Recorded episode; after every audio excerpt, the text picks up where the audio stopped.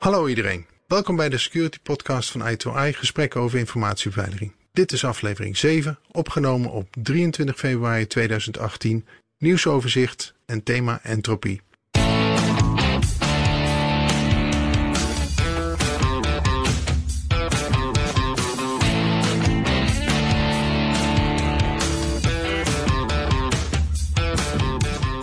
In deze aflevering een half miljard wachtwoorden, Tesla cryptocurrency, Nederlandse gemeente bedreigd en het thema entropie. Ik ben Lex Borger, vandaag is mijn podcastmaatje Roel Glaudemans. Hallo Roel, hoe is het met jou? Hi Lex, het is uh, goed en uh, leuk om weer uh, in de podcast te zijn. Ja, je bent de eerste dubbelender. Ja, ik ben had... trots op. Ja, ja, ik had jou, zoals gewoonlijk starten met weetjes van de week. Wat is jouw weetje van de week? Tja, het, uh, het thema entropie deed mij meteen denken aan mijn thermodynamica lessen. En een van de meest leuke proeven die we ooit gedaan hebben. als je een bierfles opentrekt, Lex, wat zie je dan in de opening behalve bier? Schuim. Ja, en? wat rook. Um... Ja, ja. Daar, daar, daar, dat bedoel ik. Juist. Het, uh, onder de dop zit een bepaalde hoeveelheid uh, samengedrukte lucht. En die lucht heeft een bepaalde hoeveelheid thermische energie. En als je de dop eraf haalt, dan zet die lucht heel snel uit. Zo snel dat er geen energie toegevoegd kan worden. Daardoor zakt de temperatuur van die lucht en krijg je condensatie. En dat noemen we dan adiabatische decompressie. Nou, je het zegt, weet ik het weer van mijn eh, thermodynamica lessen op de universiteit. Dat is mijn nachtmerrievak geweest. Dat is ja. Het vak geweest waar ik bijna op gestruikeld ben in mijn studie. Nou ja, het is, uh, deze proef hebben we gedaan op de middelbare school. Toen zijn we met de docent en zijn we een kap bier gaan halen. De conrector kwam binnen, keek rond en deed de deur weer dicht. Die wilde het niet weten. Ik denk dat de sociale controle tegenwoordig over dat soort dingen iets scherper is kan me dat wel voorstellen, ja. Dat, dat moet een leuke les geweest zijn. Inderdaad. Wat is, uh, wat is jouw weetje, Lex? Uh, mijn weetje is uh, eigenlijk de... ik, ik kwam hierop door de Telugu-bug van de, Apple-apparaten. dus ik vroeg me af van, van wat is nou Telugu? En ik kwam erachter dat is een taal die gesproken wordt door 80 miljoen mensen. En dat is daarmee dus de vijftiende taal in de wereld. En als je dat vergelijkt met de westerse talen, eh, dan wordt het dus door meer mensen gesproken dan Frans, Turks, Italiaans en Nederlands. En alleen uh, Duits, Portugees, Engels en Spaans hebben meer sprekers. En natuurlijk door de kwetsbaarheid is die taal flink op de kaart gezet in de westerse wereld. Omdat er, ja, naar berichten, één teken uh, een Apple-apparaat kon laten crashen. Maar er werd er vervolgens helemaal niet veel uh, details over gegeven. Nou, ook als je naar de CVE-referentie gaat kijken, dan, dan krijg je zelfs hier en daar een, een, een, not found referentie. En ik heb dus ook even met wat Indiërs gesproken die ik op de werkvloer tegenkwam. Mm -hmm. Het is trouwens moeilijk om native Telugu sprekers te vinden. Dat is komt allemaal uit de oostkust van India. En de meeste ontwikkelaars die ik spreek, die komen uit de westkust van India. Maar uh, ze kennen het wel. En ja, ze zeggen ook van, ja, het is nog niet zo lang dat Apple uh, Telugu ondersteunt. En ik heb dat dus teruggezocht en dat is gekomen in iOS 10. In uh, september 2016 dus. Ja. En ook Microsoft Office op de Mac, die support Telugu pas in 2016. Maar, maar met 80 miljoen mensen zijn er dan denk ik volgens mij niet zoveel Apple, Apple iOS 10 en 11 gebruikers als die bug er nu pas uitvalt. Ja, ik denk dat er dus een aantal elementen hier spelen. Eén is dat, dat een Apple-apparaat is natuurlijk relatief duur in India. Heeft niet zo'n grote penetratiegraad. En als je dan ook nog eens pas de taalondersteuning vrij laat krijgt. En toch ook de meeste Indiërs Engels als eerste of tweede taal ervaren je toch heel veel in het Engels doorgaat. Ja. Maar Telugu heeft dus een officiële Unicode-reeks in, in de Unicode standaard. En het is een uh, taal met mooie tekens, uh, allemaal heel rond. En de relatieve plaatsing van die tekens is dus heel belangrijk. Het is niet zoals in het westerse schrift dat je op één regel alles plaatst, maar je gaat van onder naar boven, links naar rechts. En dat laatste heeft de Apple-programmeurs waarschijnlijk de das omgedaan. Ik heb geprobeerd om de exacte tekens te vinden die het probleem veroorzaakten, maar dat, dat is mij niet gelukt. Je ziet wel, als je gewoon in de Unicode specificaties kijkt, dat, en je ziet een afbeelding van het uh, teken wat uh, het probleem veroorzaakt, dan zeg je van ja, dat is een samenstelling van de, de O en de U in de bovenste helft. En dat wordt in samentrekking een uh, au. En in de onderste helft zie ik een I-teken terugkomen. En ook de samenstelling nia. Maar hoe je dat dan uitspreekt, eh, ik heb niemand kunnen vinden die me dat exact eh, kon zeggen. Men kon me ook niet vertellen of dit nou echt een heel gewone, heel gewoon voorkomen was in de taal of dat het een beetje apart was.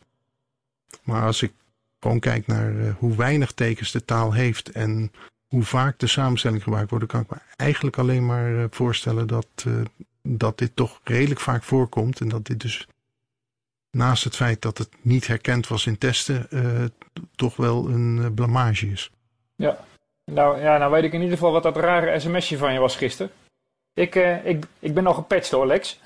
Ik, ik had je al gezegd. Ik heb de exacte tekenvolgorde niet kunnen vinden. Dus ik denk dat dat een, een echte poging is geweest van de westerse pers om in ieder geval dat ook niet te laten uitlekken. Zodat je het voor de scriptkiddies niet al te makkelijk maakt. Ja de echte dark side die weet natuurlijk exact wat ze moeten sturen. En ik uh, ben daar niet gaan zoeken.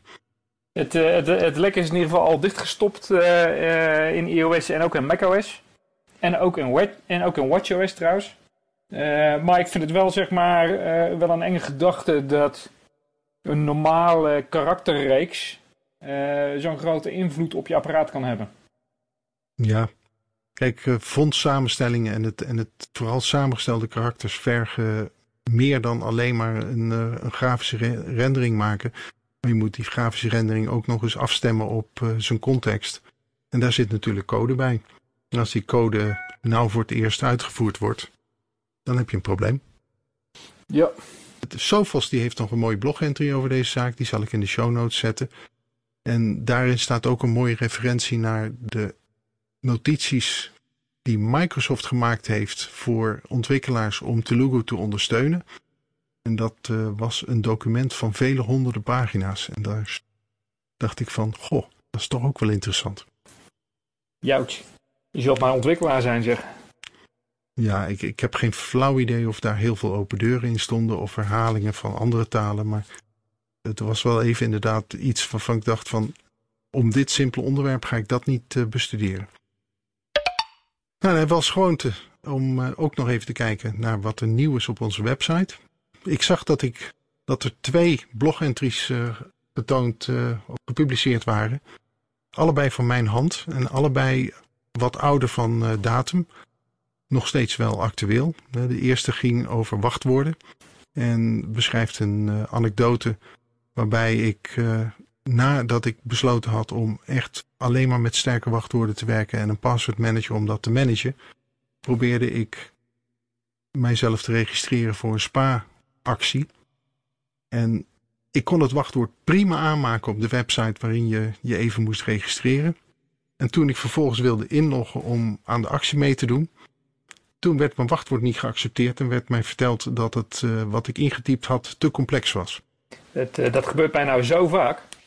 Nou, ik, ik vind het knap dat ze dat doen. Uh, dat ze dat vergeten te doen bij de registratie en dat dan wel doen bij het inloggen. Ik uh, uh, zeg dat is een foutje van de programmeur. En ik denk meteen erachteraan, denk ik SQL injection. Ja, dat, ik denk dat dat is de reden waarom ze het aantal karakters beperken. Maar doe dat dan ook bij de registratie. Ja, nee, daarom, het mist in het registratieveld. Dus dan heb je daar uh, een mooie uh, attack vector die je kan uitproberen. Die kans heb ik toen laten lopen. Jammer. Ja, het andere is een, uh, iets wat ik opgeschreven had voordat SHA-1 uitgefaseerd werd op 1 januari 2017. Toen ik het weer las, toen zag ik van ja, wat ik toen geschreven had is gewoon nog steeds waar, qua opinie. Maar het is natuurlijk wel zo dat toen ik dat opschreef, het einde van SHA-1 alleen maar theoretisch was. En het was toen wel opvallend dat in februari al van 2017 Google en uh, het CWI, terwijl Mark Stevens, uh, naar buiten kwamen met het bericht dat ze een daadwerkelijk SHA-1 collision hadden kunnen produceren. Mhm. Dat was dus ook uh, in feite praktisch voor SHA-1 het begin van het einde. Ja, ik maak me nog steeds wel een beetje zorgen over dat het nog steeds niet op alle plaatsen weg is. Ja, nou het is natuurlijk, een chosen pretext aanval is niet uh, nog mogelijk en dat is nog steeds uh, moeilijk zat. Maar ja, in het, in het algemeen gebruik uh, moet je hiermee zeggen van SHA-1 moet je niet meer willen. Ja, het zit natuurlijk gewoon nog in de blockchain protocollen. Ja, en ook en heel veel applicaties die door grote bedrijven gebruikt worden. Ja. Uh, zit je ook nog gewoon vast aan SHA-1. En je ziet dat daar de support van de leveranciers uh, echt, echt ontbreekt. En dat vind ik het meest zorgelijke ervan eigenlijk. Van wat als het nou een keer echt goed mis is, gaat het dan ook zo lang duren voordat het uh, uitgefaseerd is? Dan hebben we echt een probleem, ja. Dat is misschien een onderwerp wat we een andere keer moeten pakken. Is de, de flexibiliteit waarmee je nieuwe of andere crypto-algoritmes in kunt zetten in je protocollen. Ja. Daar schiet het. We worden er eindelijk beter in, in de zin van dat protocollen vervangbaar zijn. Maar we schieten er nog steeds flink tekort in. Ja, eens. Jij had wat uh, nieuwtjes aangedragen. Oh ja. Eerste nieuwtje, een, een half miljoen uh, wachtwoorden. En een half miljard, uh, Lex. Ik zeg hem weer verkeerd. Eerste nieuwtje, een half miljard wachtwoorden. Yes. Het, nou, we het toch over wachtwoorden hadden. Uh, er is ook een, een, een nieuwtje, zeg maar, daarover. Troy Hunt houdt een beetje alle datalekken zoveel mogelijk bij. Met name van de grote sites. En publiceert die zeg maar centraal op een site. En dan kun je je, je account invullen en dan kun je zien of dat gehackt is. Uh, wat hij ook heeft, en dat, daar heeft hij nu zeg maar een grote toevoeging aan gedaan is dat hij de gehashte tabellen die overal gelekt zijn in zijn site heeft opgenomen. Ja. Dan kun je dus je, je, wachtwoord invoeren op de site en dan kun je zien of dat wachtwoord uh, in een van die hashtabellen voorkomt. En het nuttige daarvan is dat uh, je daarmee een bepaalde aanvallen kan voorkomen. Als je wachtwoord in die tabellen staat, dan uh, heb je een kans dat die binnen de kortste keren ergens in een standaard rainbow tabel terechtkomt. Ja. Uh, waarmee uh, als er nog een keer een datalek is, jouw wachtwoord makkelijk gekraakt wordt. En je hebt het hier over wachtwoorden die unsalted gelekt zijn. Ja. Unsalted hashes zijn nog steeds zo sterk als ze zijn. Ja, het is allemaal inderdaad unsalted. maar het, het, is wel een goede om te kijken, om je wachtwoordkwaliteit te verifiëren. Ja, want uiteindelijk zullen al die wachtwoorden, uh, als ze gekraakt zijn, uh, gewoon als standaard eerste afgetast worden. Het ja. is uh, gewoon een stukje social engineering. Als deze wachtwoorden veel gebruikt worden door de wereld, dan zullen we die eerst gaan testen. Ja, dus ik vind dat wel een, hele mooi, een heel mooi initiatief. En ik heb partijen ook een paar wachtwoorden geprobeerd. Dat heeft geresulteerd dat ik nu een redelijk goed gevoel over mezelf heb in ieder geval. Nou, gefeliciteerd. Ja, dankjewel. Moet ik die check ook eens een keer gaan doen. Volgende onderwerp, Tesla cryptocurrency. Ja, de mannen van Tesla zijn uh, zeer vooruitstrevend. Maar het blijkt dat ook zij er wel eens wat vergeten. En ze vergaten wat uh, op een, uh, een hele belangrijke plaats. Namelijk de management interface van waaruit ze hun virtuele machines aansturen. Ja. Bij een van die interfaces zat geen wachtwoord. Dus de eerste, de beste hacker die langskwam, die dacht van, ah, gratis capaciteit. Uh, ik uh, steek een aantal uh, machines aan voor mezelf om te minen. Het, het zorgelijke hieraan is natuurlijk dat het überhaupt kan gebeuren dat een management interface geen wachtwoord heeft. Ja, maar als je goed doorleest, dan, dan zag ik dat ze er wel een API-key op hadden zitten. Maar die zit natuurlijk standaard in de code en die is dus te observeren. Ja, laten we zo zeggen, het, vanuit de Tesla-infrastructuur is er vanuit uh, bepaalde plaatsen ook direct toegang naar de auto's. Ja. Het, het uh, zal je gebeuren dat je auto een split second te laat remt omdat hij ondertussen aan het minen is. Ja, we kunnen daar uh, een beetje geinig over doen, maar dat, dat zou inderdaad disast echt desastreus gevolgen kunnen hebben. Uh, en dan niet alleen op het remmen, maar ook op stuurbewegingen of uh, andere zaken. Vul maar in. Ja, dus het, uh, het, het toont maar weer eens aan dat we ook als consumenten aan onze leveranciers vragen moeten blijven stellen, ook over veiligheid. En hoe ze dat ingericht hebben. En laten het maar vertellen.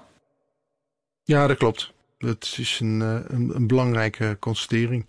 En dat is eigenlijk niet alleen de consumenten, maar dat, dat moet ook op een professioneel niveau gedaan kunnen worden. Dus we weten allemaal dat uh, Henk en Ingrid uh, dit soort vragen niet uh, goed kunnen stellen. Nee, dat, dat is natuurlijk ook weer waar. Maar, en onder andere zeg maar alle luisteraars van deze blog, ga ik vanuit dat zij dat allemaal wel kunnen. Ja, dat is onze doelgroep in ieder geval.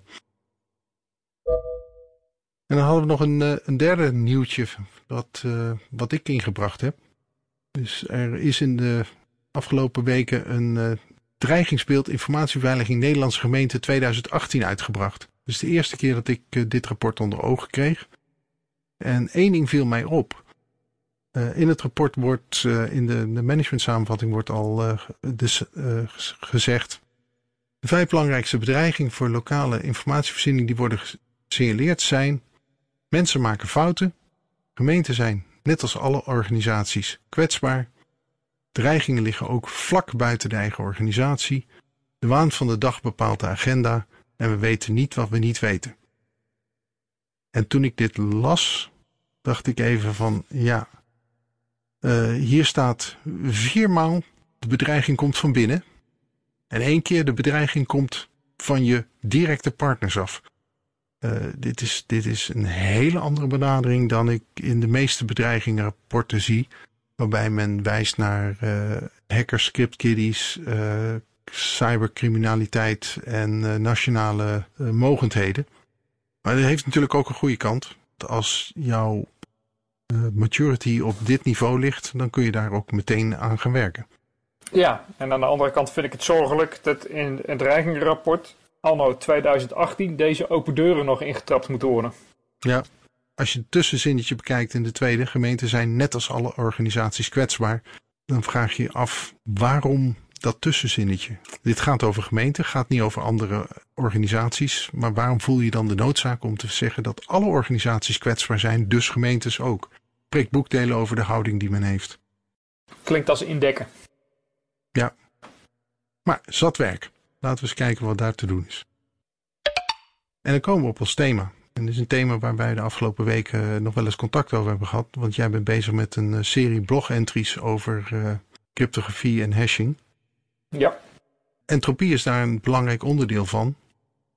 En zoals jij al in het begin zei, jij gaf een voorbeeld van natuurkundige entropie. En daar gaat het mij nou specifiek hier niet om. Ik heb even geprobeerd om een goede algemene definitie te vinden. De Oxford Advanced Learners Dictionary zegt uh, ent entropy is a way to measure the lack of order that exists in a system. En dat vond ik wel een hele goede. Het, is, het gaat dus inderdaad om een gebrek aan orde. Een maximale wanorde dus. Mm -hmm. En uh, dit is wat we in de security met het woord random aanduiden. En als ik dan weer random ga opzoeken in de OALD, Uh, without somebody deciding in advance, or without any regular pattern, uh, each thing has an equal chance of being chosen. En daarmee zie je dus dat dat uh, random is een beschrijving van wat we vaak nodig hebben in de cryptografie. En entropie is de meetlat waarmee we kunnen aanduiden hoeveel we daarvan hebben. Ja. En wat ik merk in veel gesprekken die ik heb, waarbij entropie belangrijk is om aan te duiden, dat dat, dat toch moeilijk is om dat te bevatten. En we gebruiken het vaak om eh, te zeggen van, ja, waarom moet je een lang wachtwoord hebben? Nou, een lang wachtwoord heeft meer entropie. Meer keuzes om uit te kiezen. En als iedere keuze even gelijk gekozen wordt, daar hebben we net over gehad, dat is niet zo, maar iedere keuze gelijk gekozen wordt, dan heb je dus ook minder kans dat jouw wachtwoord goed geraden wordt. Ja, en dus ben, ik gaan kijken, wat vinden wij van uh, verschillende dingen? En van als we zeggen van ja, je wil kunnen kiezen. En dan, dan denk ik aan mijn uh, standaard statistieklessen terug. En dan had het altijd over dobbelstenen en kaartspellen. Een dobbelsteen is natuurlijk een element Waarbij je gelijke keuze hebt uit, uh, uit zes waardes. Nou, dat, is, dat representeert een, een entropie van ja, minder dan 3 bits. Omdat 3 bits hebben al acht waardes.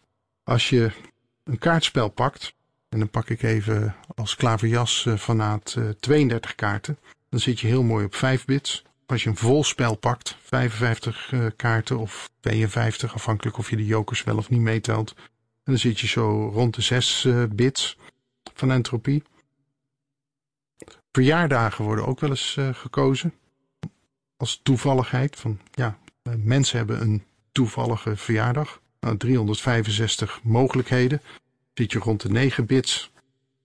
En denk van ja, wat, wat is er nog meer waar je kunt zeggen van, ja, wat is random? En nou, pak een gemiddeld dik woordenboek. Daar zitten zo'n 100.000 woorden in. En dan heb je zo'n 17 bits aan randomness. Dat zijn, als je dat zo uittelt in bits, heel weinig bits. Ja, zeker als je ervan uitgaat dat we in, in hashjes en sleutels al ruim voorbij de 256 bits zitten inmiddels. Ja, ja, hashes zijn, uh, als je kijkt naar de oude protocollen, 128 bits. En ik heb ze uh, tot 320 bits zie je ze. Ja, je kunt ze verder gaan, maar de gebruikelijke hashes uh, houden op met 320 bits op dit moment. Of zie jij de 512 versies goed gebruikt worden? Ik kom hem heel af en toe eens tegen. Ja. En, ik heb er laatst, volgens mij een certificaat zag ik er eentje zitten. Ja. Nou, dat is, dat is aardig wat entropie wat je dan introduceert. Een van de dingen waarop je een entropie kunt meten is natuurlijk de birthday attack, dus de verjaardagsaanval. Je hebt de birthday attack mogelijkheden en die, dat is een van de zaken waarmee je een gevoel kunt krijgen van hoeveel entropie je hebt. Een vraag die regelmatig op feestjes terugkeert van hoeveel mensen moet je bij elkaar in een, uh, in een zaal hebben zitten om kans van minstens 50% te hebben dat twee mensen dezelfde verjaardag hebben. Weet jij nog ongeveer hoeveel dat ze zijn? Ah, wauw. Dat was verbazingwekkend weinig. Dat is het enige wat ik me herinner nog. Ja, het zijn er 23. Ja.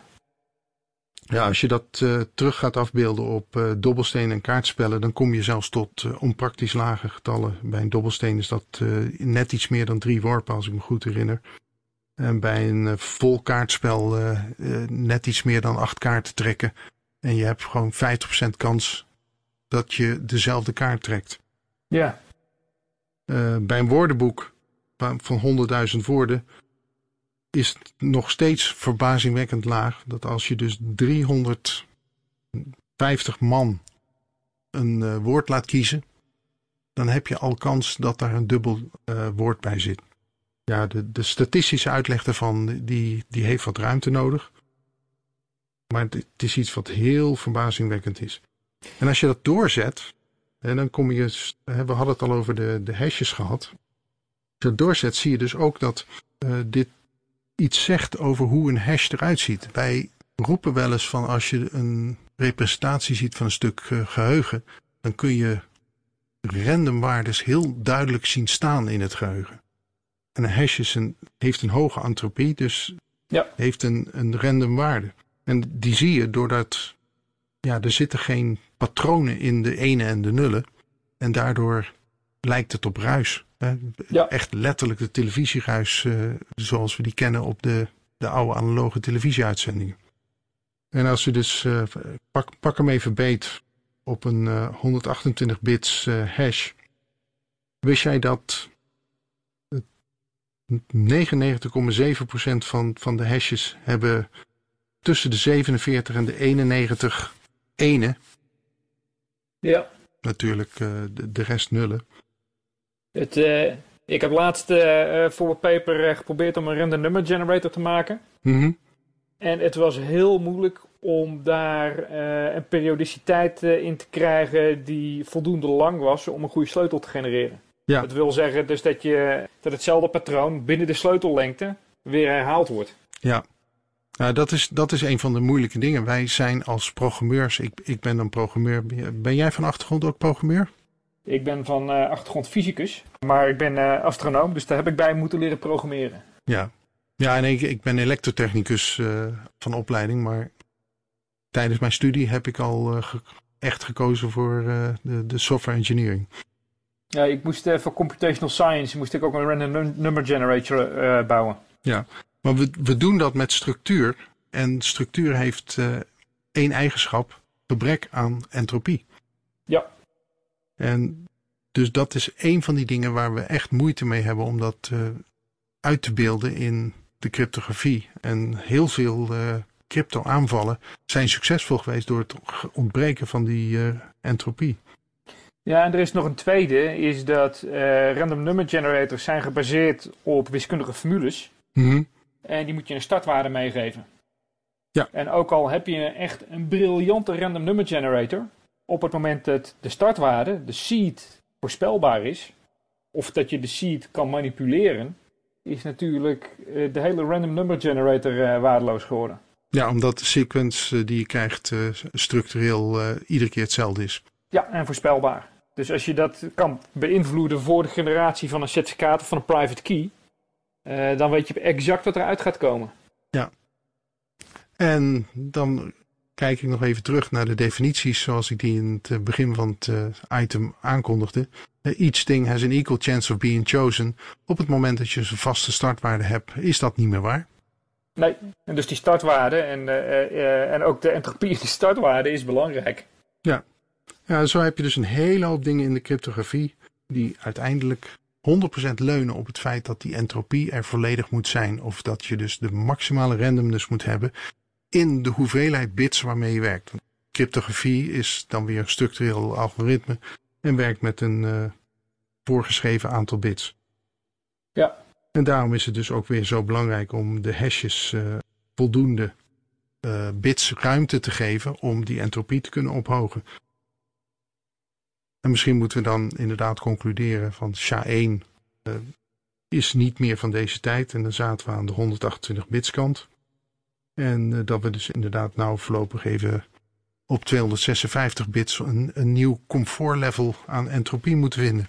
Ja, ja, en je ziet het ook aan, uh, even los van uh, de, de, zeg maar, de wiskundige progressie die geboekt wordt uh, in het kraken van SHA. Als je je bedenkt dat een moderne computer per seconde al miljoenen combinaties kan uitproberen. Ja. dat alleen al is een reden om heel snel naar 256 en meer bits te gaan. Het is heel interessant als je kijkt ook naar hoe cryptocurrency mining werkt. En dat, uh, ja, dat gaat er gewoon om heel veel uh, hashes er doorheen te kunnen jassen. Om een hashwaarde te vinden die juist een bepaalde structuur heeft. Grappig gegeven, want dat in feite is, ben je bij crypto mining op zoek naar een stukje orde in een uh, maximale wanorde. Ja. Laten we het onderwerp hierbij houden. Ik denk dat hierbij een gevoel hebben kunnen creëren van wat entropie is. En ik kijk uh, nog steeds vooruit naar jouw uh, blogreeks om meer te lezen over uh, dit soort gegevens. Ja, ik heb, ik heb zelfs een, een klein formuletje waar je zelf mee kan prutsen. En dan, dan zie je al zeg maar, hoe moeilijk het is. Prima, ben benieuwd. Nou, dan is, zit deze aflevering er weer op. Als eerste wil ik graag alle luisteraars bedanken voor hun interesse. Mocht je willen reageren naar aanleiding van deze aflevering, stuur ons dan een bericht via Twitter. Mijn Twitter-handle is @lexborger. Roel, hoe kunnen mensen met jou in contact komen? Uh, gewoon via r.glaudemans.i2i.nl Wij zijn consultants bij i2i. Onze website is www.i2i.nl en dat is i-to-i. Deze podcast komt eens in de twee weken uit en de afleveringen zijn te vinden als nieuwsitem op onze website. Je kunt je abonneren op de podcast via de feedlink https www.i2i.nl slash feed slash podcast. We werken eraan om de podcast in Apple iTunes en Google Play Store vindbaar te maken. Daarover meer wanneer dit beschikbaar is. Roel, dan rest mij jou te bedanken voor je bijdrage aan deze podcast. Wij sluiten hierbij af. Tot de volgende keer. Dankjewel Alex, ik vond het leuk weer.